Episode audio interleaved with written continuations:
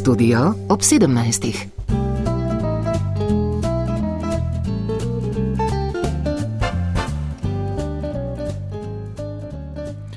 Spoštovane poslušalke in poslušalci, lepo pozdravljeni v prvem letošnjem tedenskem aktualnem mozaiku. Za nami so božično-novoletni prazniki, pa bolj ali manj pučno preživeta najdaljša noč v letu. Marsikdo je sklenil novoletno zaobljubo o bolj zdravem življenju z manj pregrehami, naj te zaobljube zdržijo čim dlje. Dneve, ko se poslavlja staro in prihaja novo leto, so pri nas, pa tudi drugot po Evropi, zaznamovale nenavadno visoke temperature, ki bolj spominjajo na jesen ali pa na pomlad. Konec leta je zaznamovalo tudi slovo več pomembnih pomembnih osebnosti, med njimi papeža Benedikta XVI., prvega papeža, ki je prostovoljno sestopil svetega sedeža. Pokopali so ga včeraj v Vatikanu. Benedikt se bo v zgodovino zapisal predvsem kot vplivni in prodorni teolog in manj kot voditelj katoliškega občestva. Po besedah ljubljanskega nadškofa metropolita Stanislava Zoreta je preminuli papež pustil velik pečat tudi na slovenski cerkvi. Papež Benedikt je kar krepko posegel v strukturo slovenske cerkve, saj je bila za časa njegovega papeževanja spremenjena struktura naših škofij. Več o papežu Benediktu in njegovem pontifikatu v nadaljevanju odaje. Tik pred koncem leta se je poslovil tudi legendarni brazilski nogometaš Pele, po mnenju številnih športnih komentatorjev najboljši nogometaš minulega stoletja. Začetek leta 2023 pa je prinesel tudi več novosti. S 1. januarjem so se med drugim dvignile zapornice na mejnih prehodih Hrvaško. Z vstopom sosedne države v evrsko območje tudi ne bo več nadležnega menjavanja evrov kune. Prede tu, vsaj greš brez skrbi prek. Stokrat boš, pa ne več kun. Več o vstopu Hrvaške v evrsko in šengensko območje v nadaljevanju odaje. Govorili bomo tudi o drugih aktualnih temah, da nima o cenah energentov, pa o novem zadolževanju države. Najprej pa se lotimo vroče teme zadnjih nekaj mesecev, če ne let, razmer v slovenskem zdravstvu, kjer vre kot še nikoli prej. Bomo vrelišče dosegli prihodnji teden, ko bodo na cesti tako nezadovoljni bolniki, ki ne pridejo do svojega zdravnika, kot zdravniki, ki zahtevajo boljše pogoje dela in više plačilo. Ministr Daniel Bešič Loredan išče izhod iz te zdravstvene stiske. Pri tem se želi zgledovati po modelih severnih držav, hkrati pa skuša zdajšnje eksplozivne razmere umiriti. Več Helena Lovinčič. V kako veliki stiski so ljudje in kaj vse so pripravljeni storiti, da pridejo do svojega izbranega zdravnika, kažejo te dni posnetki kilometrske vrste čakajočih pred zdravstvenim domom Bežigrad.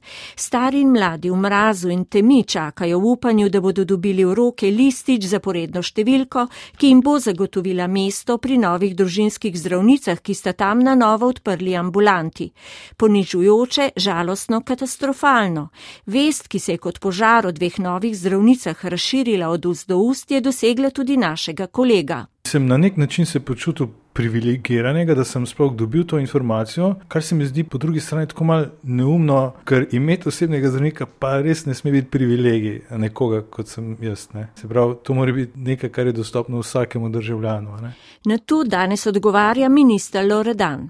Jaz mislim, da tako Zavod za zdravstveno zavarovanje kot sleherni zdravstveni dom v vendarle dobi informatizacije in digitalizacije morata najti skupaj drugačen način opisovanja pacijentov. Ta stvar se da urediti preprosto, preko telefona, preko komunikacije, ljudje so lahko obveščeni, vsak lahko dobi, bom rekel, svoj listek tudi digitalno. V teh časih čakati pred zdravstvenim domom, zato da dobiš osebnega izbranega zdravnika, je nedopustno. Ministrstvo nima nobenih prestojnosti tukaj. Gre za nedostojne razmere za ljudi, za kar je odgovorno vodstvo zdravstvenega doma in mol žogico naprej podajajo na zdravstveni blagajni. Vodstvo zdravstvenega doma pa je danes vendarle našlo dostojnejši način. V naslednjem tednu bodo sami vabili prednostno najbolj ranljive, starejše in kronične bolnike nad 65 let, ki so izgubili zdravnika v enoti Bežigrad, kjer imajo tudi zdravstveno kartoteko. Čakajte torej na klic klic. Vendar še vedno pa bo 130 tisoč ljudi v državi moralo zdravniško pomoč iskati v ambulantah za neopredeljene.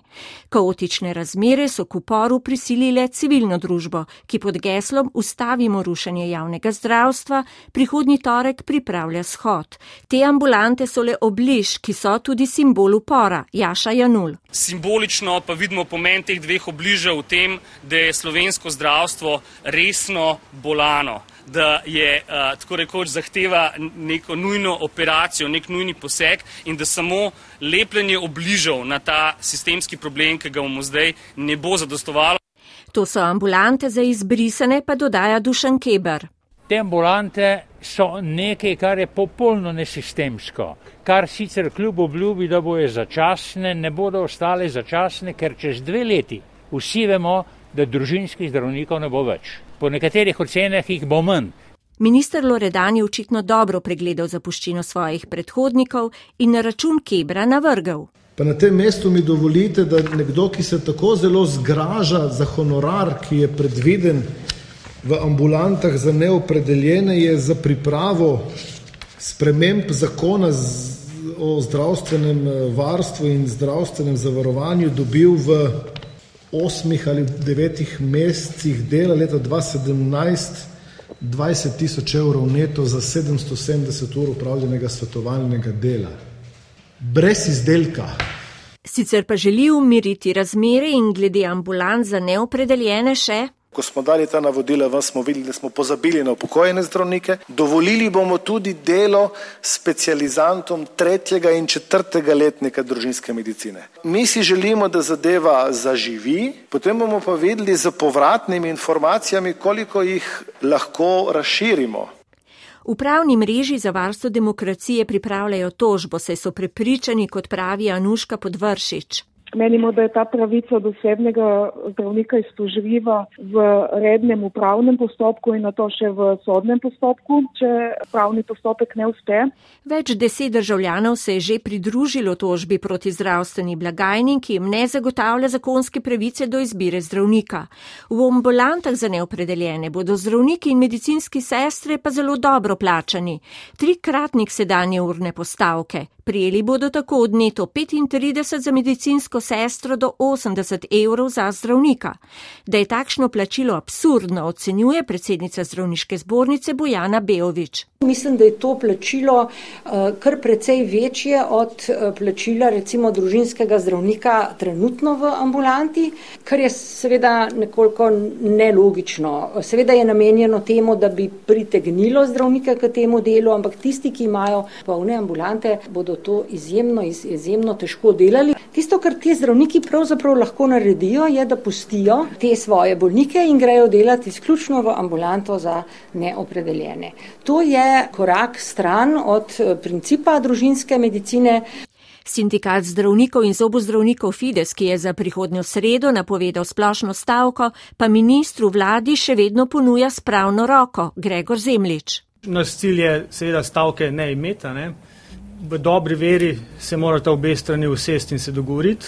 Ne? Mi računamo, da bi se lahko dogovorili do srede, da bi stavka odpadla. Stavka zdravnic in zdravnikov je v bistvu klic na pomoč a vlada ostaja neomajna. Loredan ponavlja. Za vlado Republike Slovenije smatramo, da Fides krši stavkovni sporazum, ki je podpisan.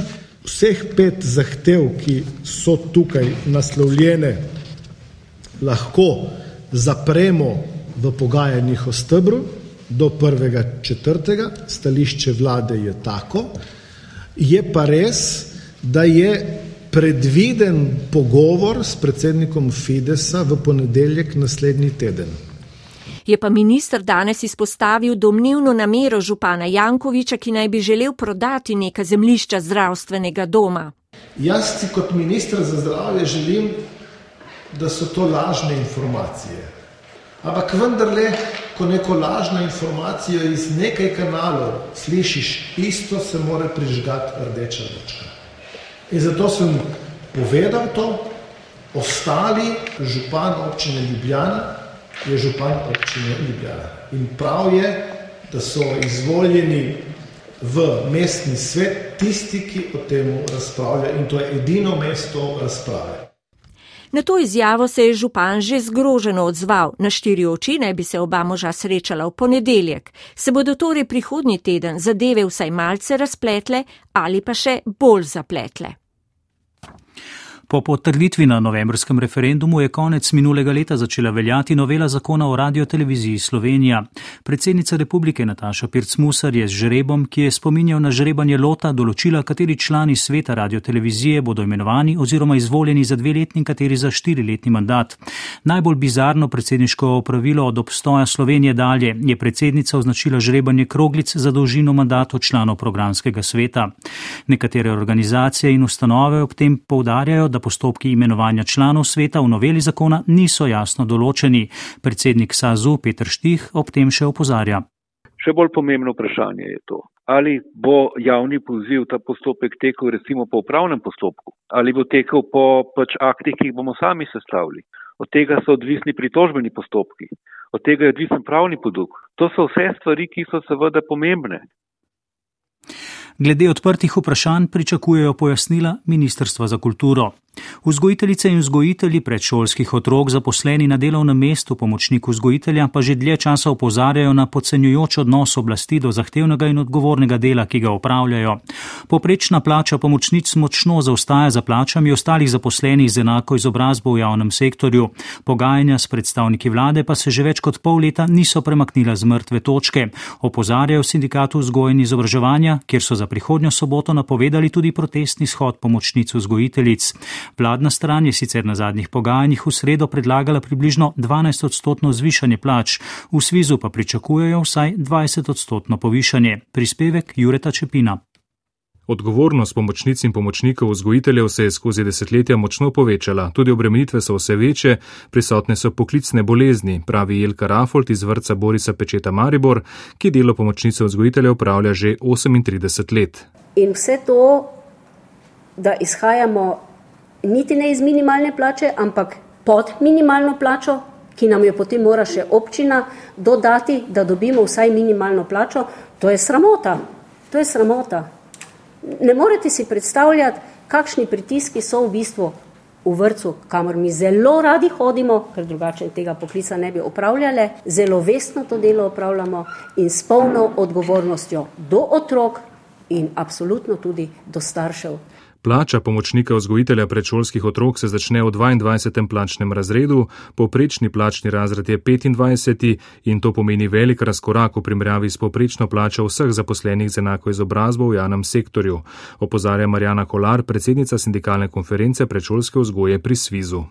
Povprečna plača vzgojitelja, pomočnika vzgojiteljice s peto stopnjo izobrazbe je več kot 20 odstotkov nižja od povprečne plače vseh drugih zaposlenih z enako stopnjo izobrazbe v javnem sektorju. In skoraj za polovico nižja od povprečne plače vojaka za isto stopnjo izobrazbe, kar je nespremljivo. Svis zato prihodnjo soboto, 14. januarja, pripravlja protestni shod vzgojiteljic in vzgojiteljev, zaposlenih na delovnih mestih pomočnic in pomočnikov v središču Ljubljane, kar pomeni začetek zaostritve sindikalnih aktivnosti. Pomočnice in pomočnike vzgojiteljev v njihovih prizadevanjih podpira tudi inštitut 8. marec. Predsednica Nika Kovač. Nam se zdi na neki načelni ravni predvsem pomembno, da bi pomočnice vzgojiteljic uh, dobile tako plačo, kot jo dobijo um, ljudje v javnem sektorju z enako zahtevami zahtevnim v bistvu delom in z enako stopnjo izobrazbe. Um, da bi bilo to edino pravično in da bi bilo se potem treba ravnati in ozirati. Ne smemo pozabiti, da je v proračunu imamo enormen proračun za obrambo, kar v bistvu pomeni, da bi se za to pa res lahko našli tudi sredstva, da se zagotovi dostojno življenje tistim, ki skrbijo za naše otroke. Pogajanja med Svizom in predstavniki Ministrstva za izobraževanje in za javno upravo so se sicer nadaljevale v sredo, ko je bil po oceni obeh strani vendarle storjen korak naprej. Ministrica za javno upravo Sanja Janovič Hovnik. Dogovorili smo se, kako bomo reševali pomočnice vzgojiteljic, kako bomo reševali četrti naziv v šolstvu. Vlada je med drugim ponudila dvig plač pomočnikom vzgojiteljev za tri do štiri plačne razrede, kar bi zapisali tudi v kolektivno pogodbo, to pa za glavnega tajnika Sviza Branimirja Štruk Šuklja, ki pričakuje vsaj 20 odstotno zvišanje plač, še vedno ni sprejemljivo. Ta predlog uh, ne dosega tega in za nas ni zadovoljiv, zato se bodo priprave na protestni shod nadaljevale z nezmanjšano uh, intenzivnostjo. Trdno smo prepričani, da je pravičnost na naši strani in da vlada tu mora priznati delo vzgojiteljic predšolskih otrok. Pogajanja se bodo nadaljevale v ponedeljek, dan pozneje pa se bo na izredni seji sešel glavni odbor Sviza in sprejel končno odločitev glede vladne ponudbe in glede izvedbe sobotnega shoda. Država se je na novo zadolžila za 1,5 milijarde evrov, od tega odpade 1 milijarda 250 milijonov evrov na novo izdajo desetletnih obveznic. Spremenjene makroekonomske in geopolitične razmere so botrovale znatno višji obrestni meri kot v minulih letih. Donosnost desetletnih obveznic se je povspela na 3,6 odstotka. Prvi mož državne zakladnice Marjan Divjak pravi takole. Zahtevan donos državne obveznice Slovenije se je precej zvišal vendar predvsem zaradi zvišanja referenčne obrestne mere, ki je enaka za vse države izdajateljice. In se zato draži zadolževanje tudi drugih držav. Je pa res, da je bila Slovenija glede na njen makroekonomski položaj in bonitetne ocene nekoliko bolj prizadeta, kar se je odrazilo v višjem kreditnem prebitku Slovenije. Letos naj bi javni dolg znašal 71 odstotkov bruto domačega proizvoda, delež stroškov za obresti pa med 1,1 in 1,2 odstotka bruto domačega proizvoda. Ob začetku leta so padle veleprodajne cene energentov, kar je spodbudna novica za vse, za gospodinstva, za gospodarstvo in za državne proračune. Je pa še vedno veliko zmede ob državni regulaciji elektrike in plina, zato se mi je v studiu pridružila Maja Derčar. Pozdravljena. Dobr dan. Maja, zakaj se borzne cene elektrike in plina spuščajo? Ja, to je eh, dobra novica, spodbudna. Temu trendu v zadnjih dneh ali tednih botruje zlasti milo, toplo vreme v Evropi, tudi na kitajskem kar pa seveda po drugi strani pomeni, da se cene lahko zvišajo in znova udarijo ob kakšni hujši vremenski fronti. No, poleg tega je kitajsko popraševanje še vedno nižje od pričakovanega zaradi COVID-a. Eh, napovedi mednarodnih institucij kažejo na milejšo recesijo v polovici Evrope. Skratka, z ohlajanjem rasti so tudi cene energentov zdaj nižje, eh, bolj sprejemljive kot če sredi decembra. Maja, ko omenjaš decembr, do prve polovice minulega meseca so cene ponorele in ravno takrat so slovenska podjetja sklenila glavnino pogodb z dobavitelji elektrike po visokih cenah. Nejevolja je bila precejšnja. Na to je vlada tik pred novim letom povlekla novo potezo in zamejila zgornje cene elektrike za mala in srednje velika podjetja. Mhm. Kaj to pomeni? Ja, zdaj ta zavora pomeni precejšnje olajšanje, neko predvidljivost za mala in srednje velika podjetja. Ne glede na to, po kakšni ceni so ta podjetja sklenila pogodbo o dobavi elektrike, zdaj velja, da sme malo prodajna cena znašati največ 217 evrov za višjo in 155,5 evra za nižjo tarifo brez DDV-ja in sicer do 30. junija za 90 odstotkov porabljene elektrike. To pa pomeni obenem, da podjetja eh, ne bodo deležna eh, tudi subvencij sprejetih v zakonu 16. decembra. Namreč najprej je vlada v dogovoru z gospodarstvom v skladu z evropskim okvirom pripravila subvencije za podjetja za povračilo dela stroškov energentov. Potem pa je ob naraščajoči nevolji eh, podjetij in dobaviteljev uvedla raje cenovno zavoro. Eh, subvencije tako odpadejo. Ampak očitno bodo subvencije na voljo za plin in pa eh, za velika podjetja ki regulacije cene elektrike niso deležna, ker tega ne dopušča evropski okvir. Tako nam je vse skupaj pojasnil državni sekretar na Ministrstvu za gospodarstvo Mateuš Frangeš. Vlada se je v zadnjih dneh lanskega leta odločila, da naredi dodaten napor za to, da pridemo do zamejene cene za majhna in srednja podjetja, ki imajo zdaj za prvo polovico leta 2023 jasnejši položaj. In vsaj pri električni energiji ne bodo upravičena do povračil, zaradi tega, ker vlada z ukrepom regulacije zamejila to ceno. Drugače je pa pri vprašanju zemljskega plina, kjer regulacije eh, tudi za te subjekte ni. In zato bodo imela mikro, majhna in srednja podjetja eh, še naprej možnost uveljavljati povračila eh, visokih stroškov zemljskega plina. No, naslednji teden bo vlada sprejela novelo zakona, popraviti mora namreč zakonodajo o subvencijah. Torej, samo če povzamem, ker je vse skupaj res malo zapleteno. Mala in srednje velika podjetja naj bi imela zamejeno ceno elektrike za prve pol leta, za plin pa bi uveljavljala subvencije, torej povračilo stroškov. Velika podjetja pa nimajo zamejenih cen, pri tem se vlada drži evropskih pravil in bodo pač uveljavljala subvencije, torej povračila za elektriko, plin in paro. Maja, strinjam se, slišati je kar zapleteno. Vlada torej ne namerava prilagoditi pomoči za velika podjetja. Zaenkrat velja, da velika podjetja uveljavljajo pomoči po zakonu sprejetem 16. decembra, takole Mateuš Frangeš. V tem hipu, glede na omejitve evropske zakonodaje, eh, bi bilo neodgovorno ustvariti lažno upanja, da lahko vlada kaj naredi. Eh, mi pa smo z predstavniki gospodarstva, tako majhnih, srednjih eh, kot velikih podjetij, v stalnem stiku in skupaj iščemo nadaljne rešitve. Gospodarska združenja so pred dnevi izrazila zadovoljstvo, ker je vlada sklenila zameti ceno elektrike za manjša podjetja. Kaj pravijo? Ja, pravijo, da je odprtih še nekaj vprašanj, ki jih bo treba razčistiti do naslednjega tedna. Regulacija cene je v vladni uredbi določena, kot rečeno, do konca junija. Podjetja, ki imajo z dobavitelji sklenjeno pogodbo za celo leto 2023 po ceni denimo 400 evrov na megavatno uro in več, bi si želela, da je uredba veljavna dlje in da vlada pove, Eh, kaj bo potem v drugi polovici leta, ali bodo takrat subvencije ali ne. Zato ne preseneča vprašanje predsednika obrtno-podjetniške zbornice Blaža Cvara. Prvo vprašanje je, ali bo za tiste, ki bodo deležni regulacije cene, eh, pogodbe, ki so bile sklenjene za dosti više zneske, veljale, eh, veljale cene v preostanku polovice leta, ali bodo pa deležni v preostanku leta subvencije. Zaenkrat dobivamo odgovore, da to ni možno, torej to, to je prvo vprašanje, ki ga moramo rešiti, hkrati pa seveda tudi vprašanje okoli cene plina. Ja, več kot očitno vlado čaka še veliko dela in pojasnjevanja že v prihodnem tednu. Hvala, Maja. Prosim. Visoke cene električne energije pa pestijo tudi slovenska smočišča, še bolj pa jih pesti pomankanje snega. Vse skupaj je žičničarje prizadelo po dveh letih COVID-nih ukrepov, ko so si končno želeli normalno sezono, ki bi panoga spravila na zeleno vejo.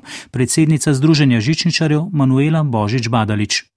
Tudi smočišča, ki imajo možnost izdelave umetnega ali tehničnega snega, ne morejo snega delati in zdaj le trenutno kar neki smočišč stoji, ker nimajo popolnoma nič snega, oziroma so vsi tisti sneg, ki so ga naredili, so ga v tele odjug izgubili. Številna slovenska smočišča torej trenutno sploh ne obratujejo, normalno obratuje le kanin. Žal, razen kanina, so smočišča obsojena na zelene zime. Sej bo še kakšna lepa zima vmes, ampak eh, to bo tako za popestritev, v ostalem primeru bo pa treba se naučiti, da se bo živela od poletnih sezon. Tople zime, ki so posledica podnebnih sprememb, postajajo realnost ne le pri nas, temveč tudi drugot po Evropi. Visoke temperature v tem času vladajo tudi po Alpah in tudi po Balkanu. Ovo se ne pamte, budući da mi dolazimo ovde već 25 i više godina. Če se takšnega ne pomnimo, sem prihajamo že 25 in več let in prvič se je zgodilo, da sploh ni nič snega, pravi prebivalec Severne Makedonije ob zelenih pobočjih tamkajšnjega turističnega središča Popova Šapka, kjer še vedno čakajo na belo pošiljko z neba. Ob visokih temperaturah marsikdo bolj kot o pobegu zasnežene gore že razmišlja o dopustovanju morju in plaži in odslej bo pot do hrvaških obmorskih letovišč nekoliko hitrejša, potem ko so se s hrvaškim vstopom v šengensko območje dvignile zapornice na meji. Tudi plačevanje storitev bo s hrvaškim prevzemom evra lažje. Spremembe še posebej pozdravljajo prebivalci obmejnih krajev tudi na slovenski strani, obetajo si lažji prehod meje, pa tudi tesnejše sorodstvene in prijateljske stike. Prede tu, vsaj greš brez skrbi prek. Fajn je, ker ne bo gužve več na mejah, kje so itak izmešanih zakonov, pa ne bo imeli več teh problemov z osebnimi, pa z zemlišči. Ne bo treba več menjavati okuna. Zdaj bom pa šel, da vidim, če res, da ni rampe. Stokrat boš, pa ne več kun. Hrvaška je torej s 1. januarjem postala 27. članica šengenskega prostora in 20. članica evrskega območja. Ob tej svečani priložnosti so se na menem prehodu obreže srečali slovenska predsednica Nataša Pirc-Musar, hrvaški premijer Andrej Plenković in predsednica Evropske komisije Urzula von der Leyen. In medtem ko dvig zapornic na mejnih prehodih za zdaj kaže le svoje dobre plati, so Hrvate v prvih dneh novega leta neprijetno presenetile više cene v evrih, predvsem živilskih izdelkov in storitev. Iz Zagreba Tanja Borčiš Bernard.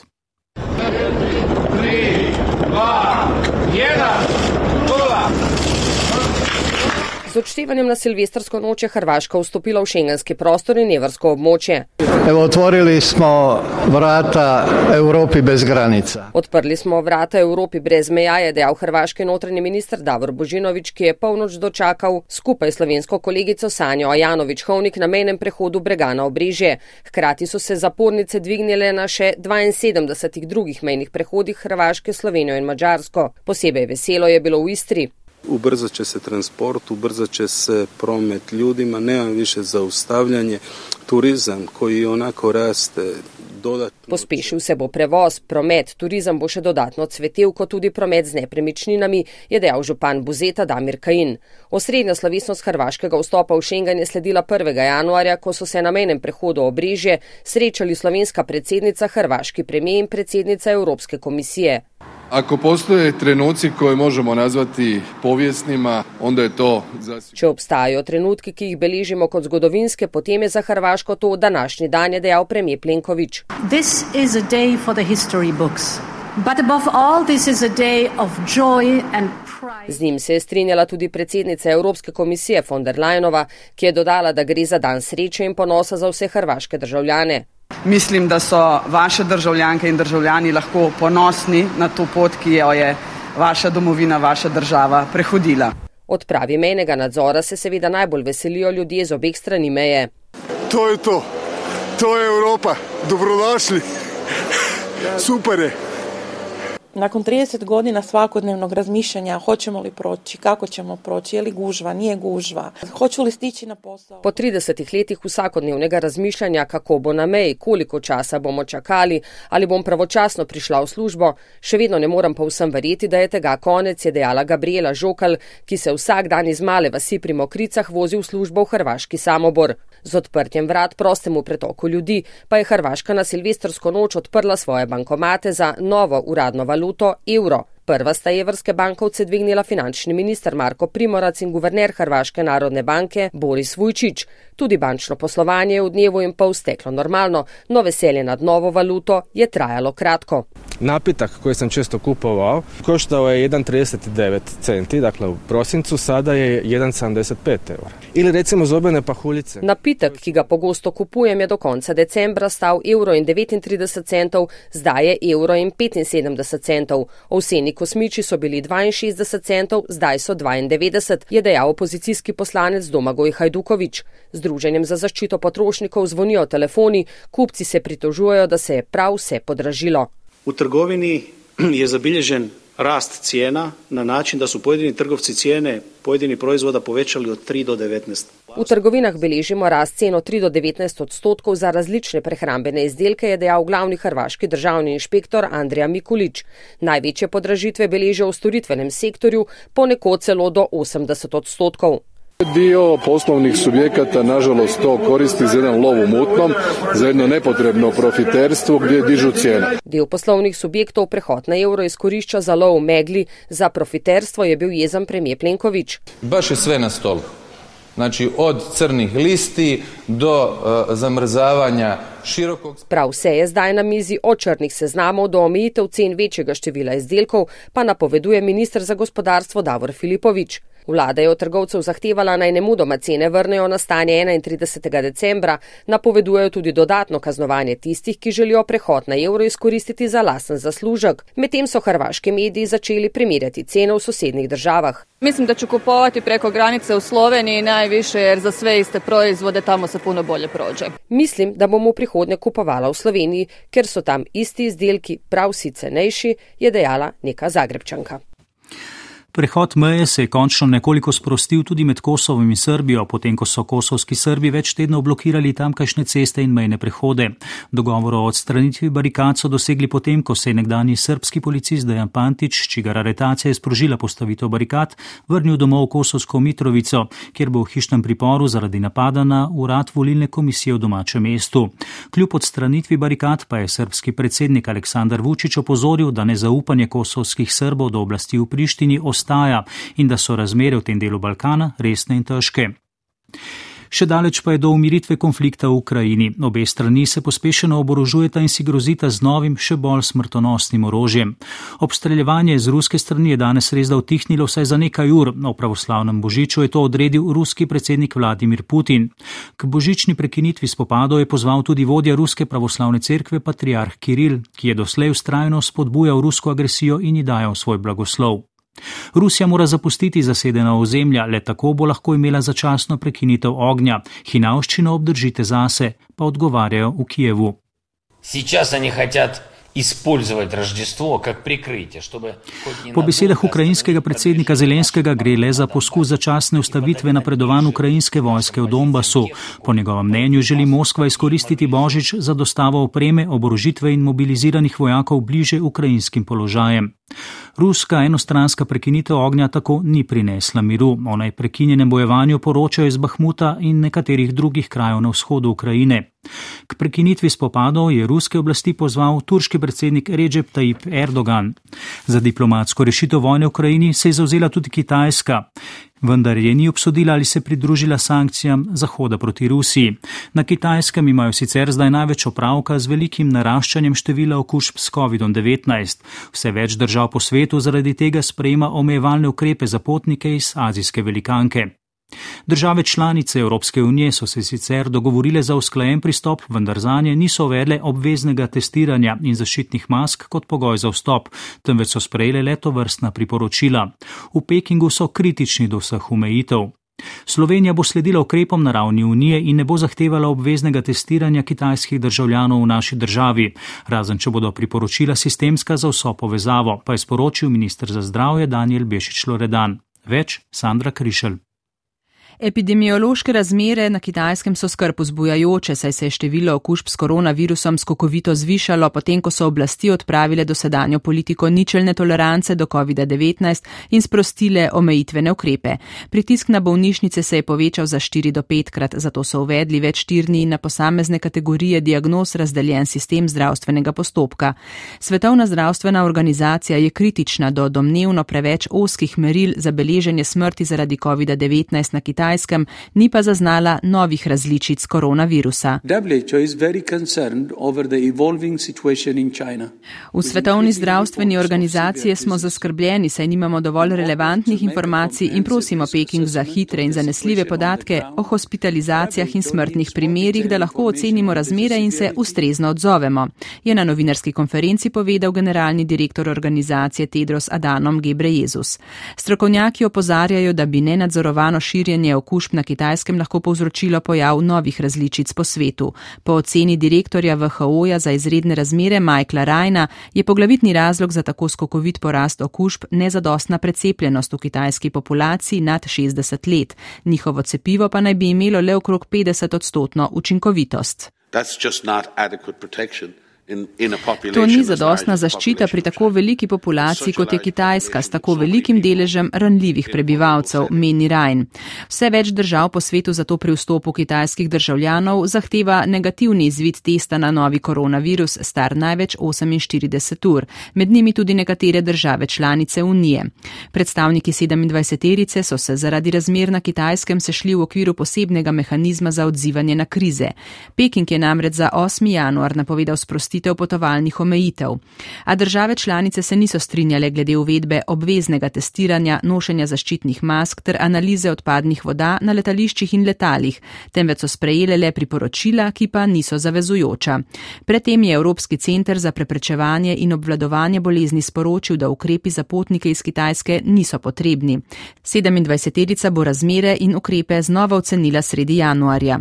Na frankfurtskem letališču pa že izvajajo testiranje odpadne vode vode, kot je sporočilo Nemško ministrstvo za zdravje, pa bi to vrstni ukrep lahko razširili na odpadne vode posameznih letal, saj bi s tem bolj natančno beležili širjanje virusnih različic.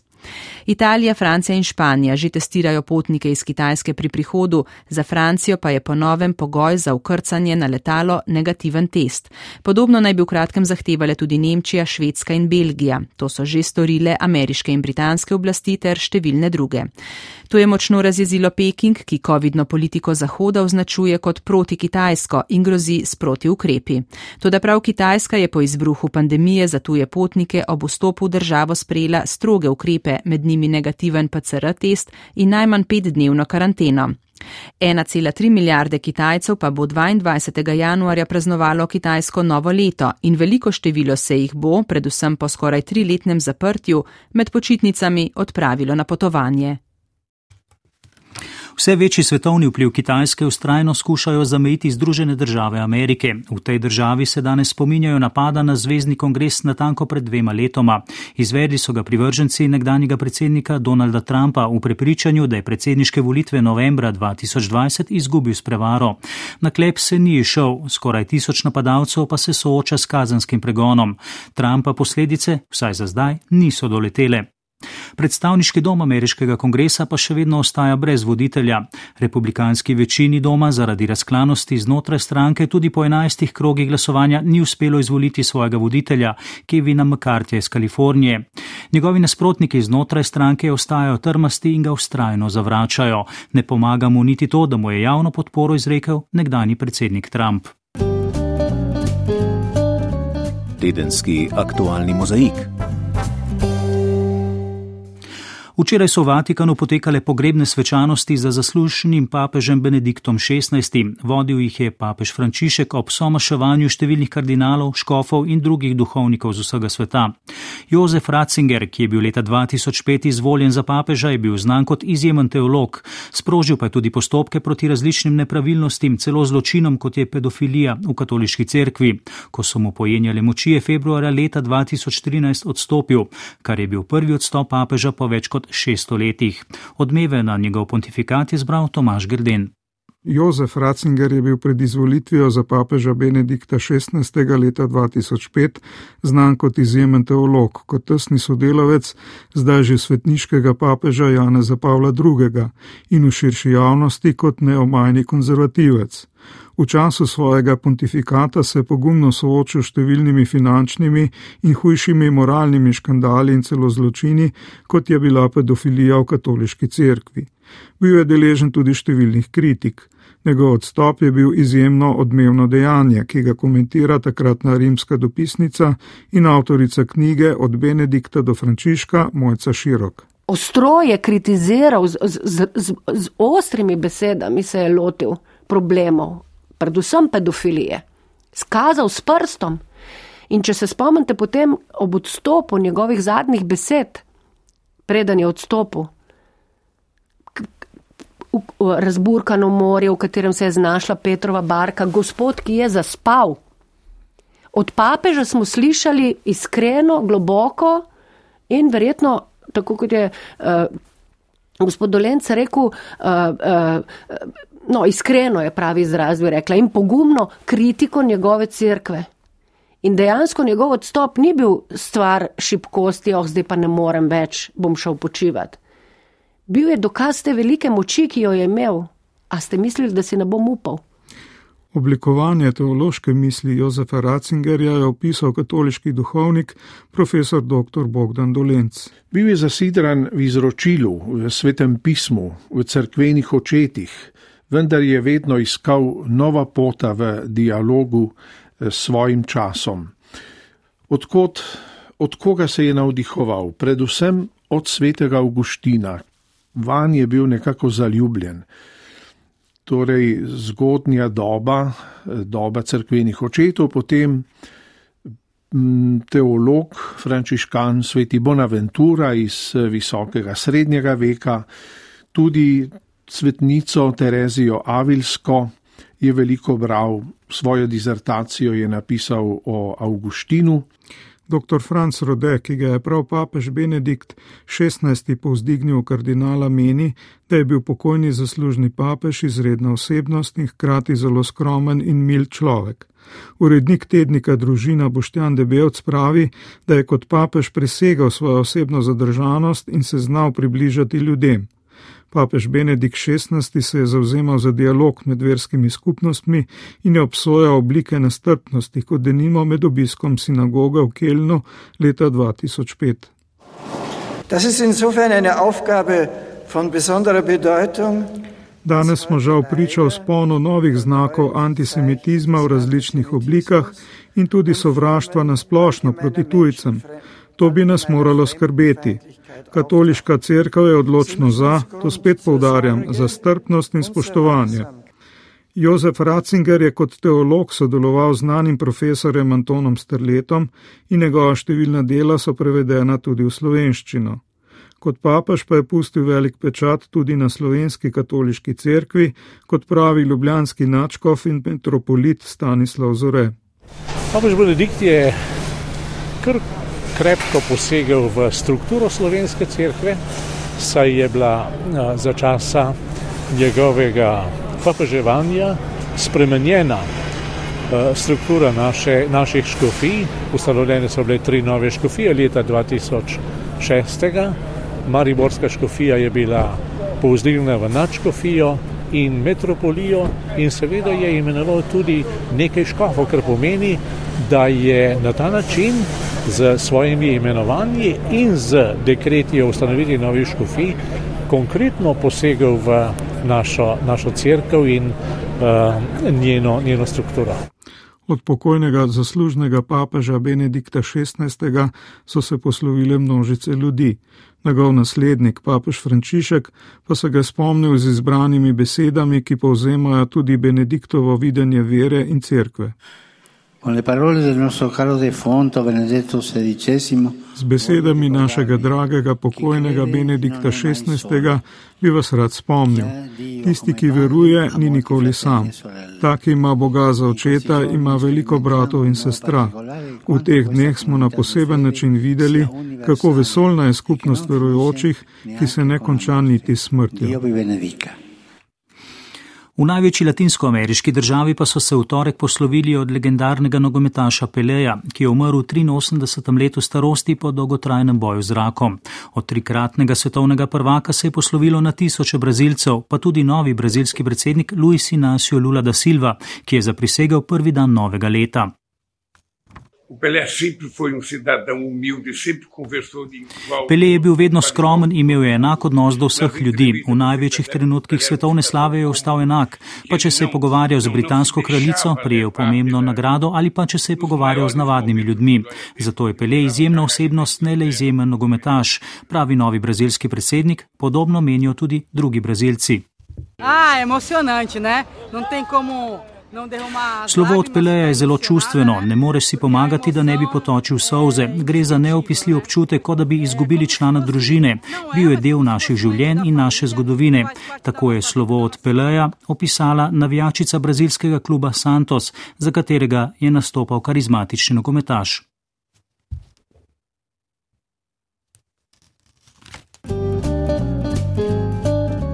Tedenski aktualni mozaik. Najboljši biatlonci sveta so se v teh dneh zbrali na pokljuki prvič po svetovnem prvenstvu februarja 2021. Če je prireditev pred dvema letoma močno skazila epidemija COVID-19, tekmovalci so ostali brez večine navijačev, je tokrat drugače. Na komentatorskem mestu na pokljuki je kolega iz športnega uredništva Aljaš Golčer. Pozdravljen. Lep pozdrav z pokljuke. Aljaš, kakšne so tokrat razmere in obisk na pokljuški prireditvi?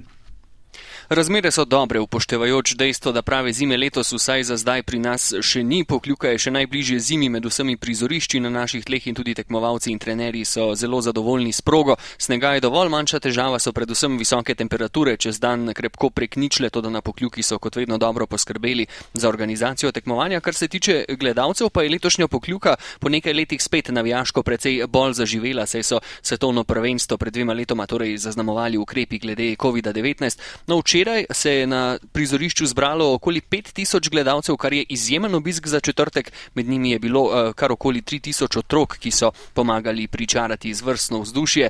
Uh, vzdušje je bilo dobro tudi danes, ko je bilo tu okoli 2000 gledalcev in seveda smo preverili, kakšen je utrip.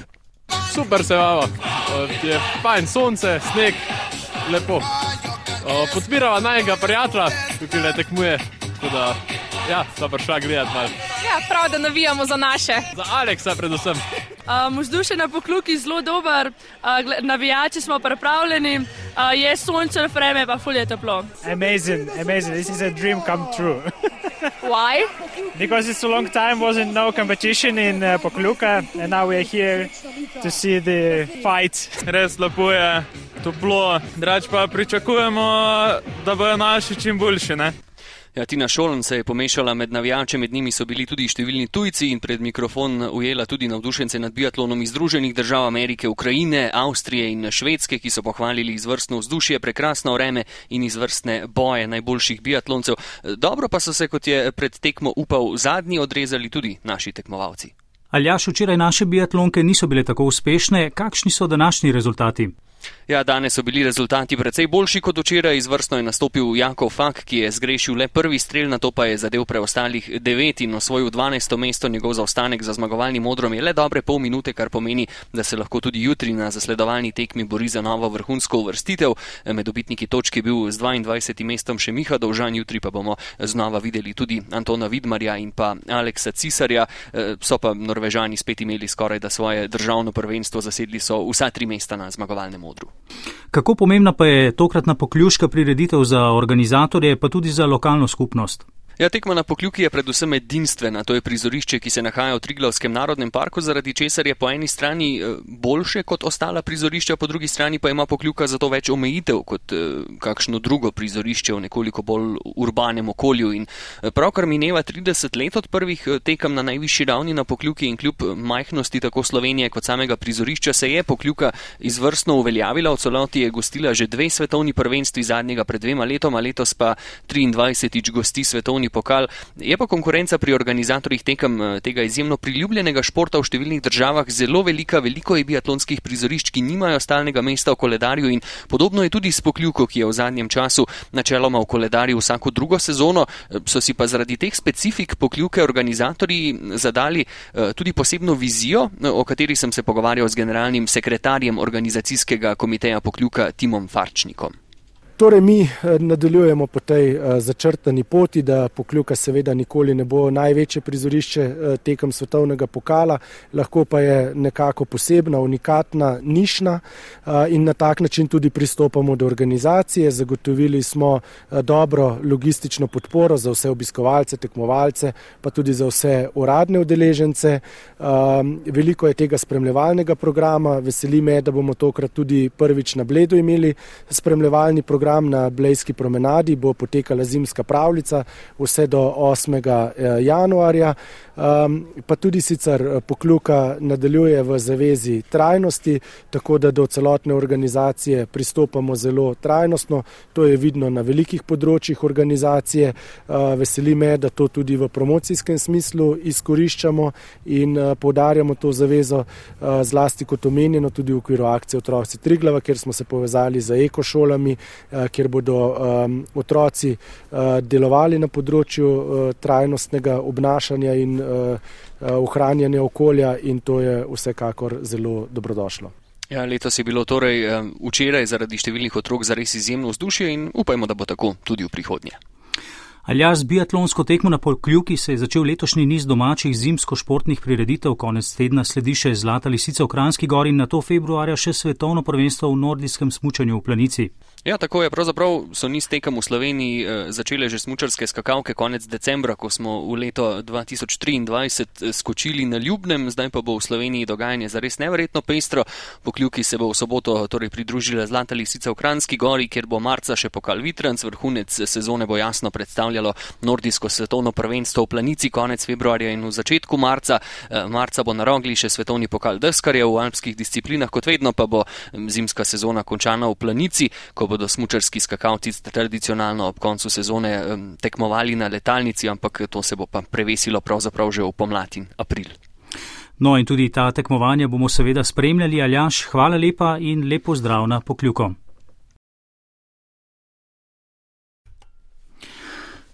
Tako, tedenski aktualni mozaik smo pripeljali skoraj do konca. Pred nami je konec tedna, ki ga bodo popestrili številni športni dogodki, med njimi že omenjeno biatlonsko tekmovanje na pokljuki in zlata lisice v Kranski gori. Med ostalimi odmevnejšimi dogodki omenimo še nedelsko osrednjo spominsko prireditev v Dražgošah, ki jo organizirajo spomina 81. obletnico Dražgoške bitke. Prav tako v nedeljo bo minilo tudi okroglih 80 let od zadnjega boja pohorskega bataljona pri treh žebljih na Osankarici. Že jutri bo osrednjo osrednja slovesnost, na kateri bo zbrane nagovorila predsednica republike Nataša Pirc-Musar. V ponedeljek pa vas spet vabim k poslušanju oddaje Studio ob 17, v kateri bomo govorili o vse večjih težavah javnih sistemov v Sloveniji. V prvem tednu leta smo že poročali o kaosu v zdravstvenem sistemu.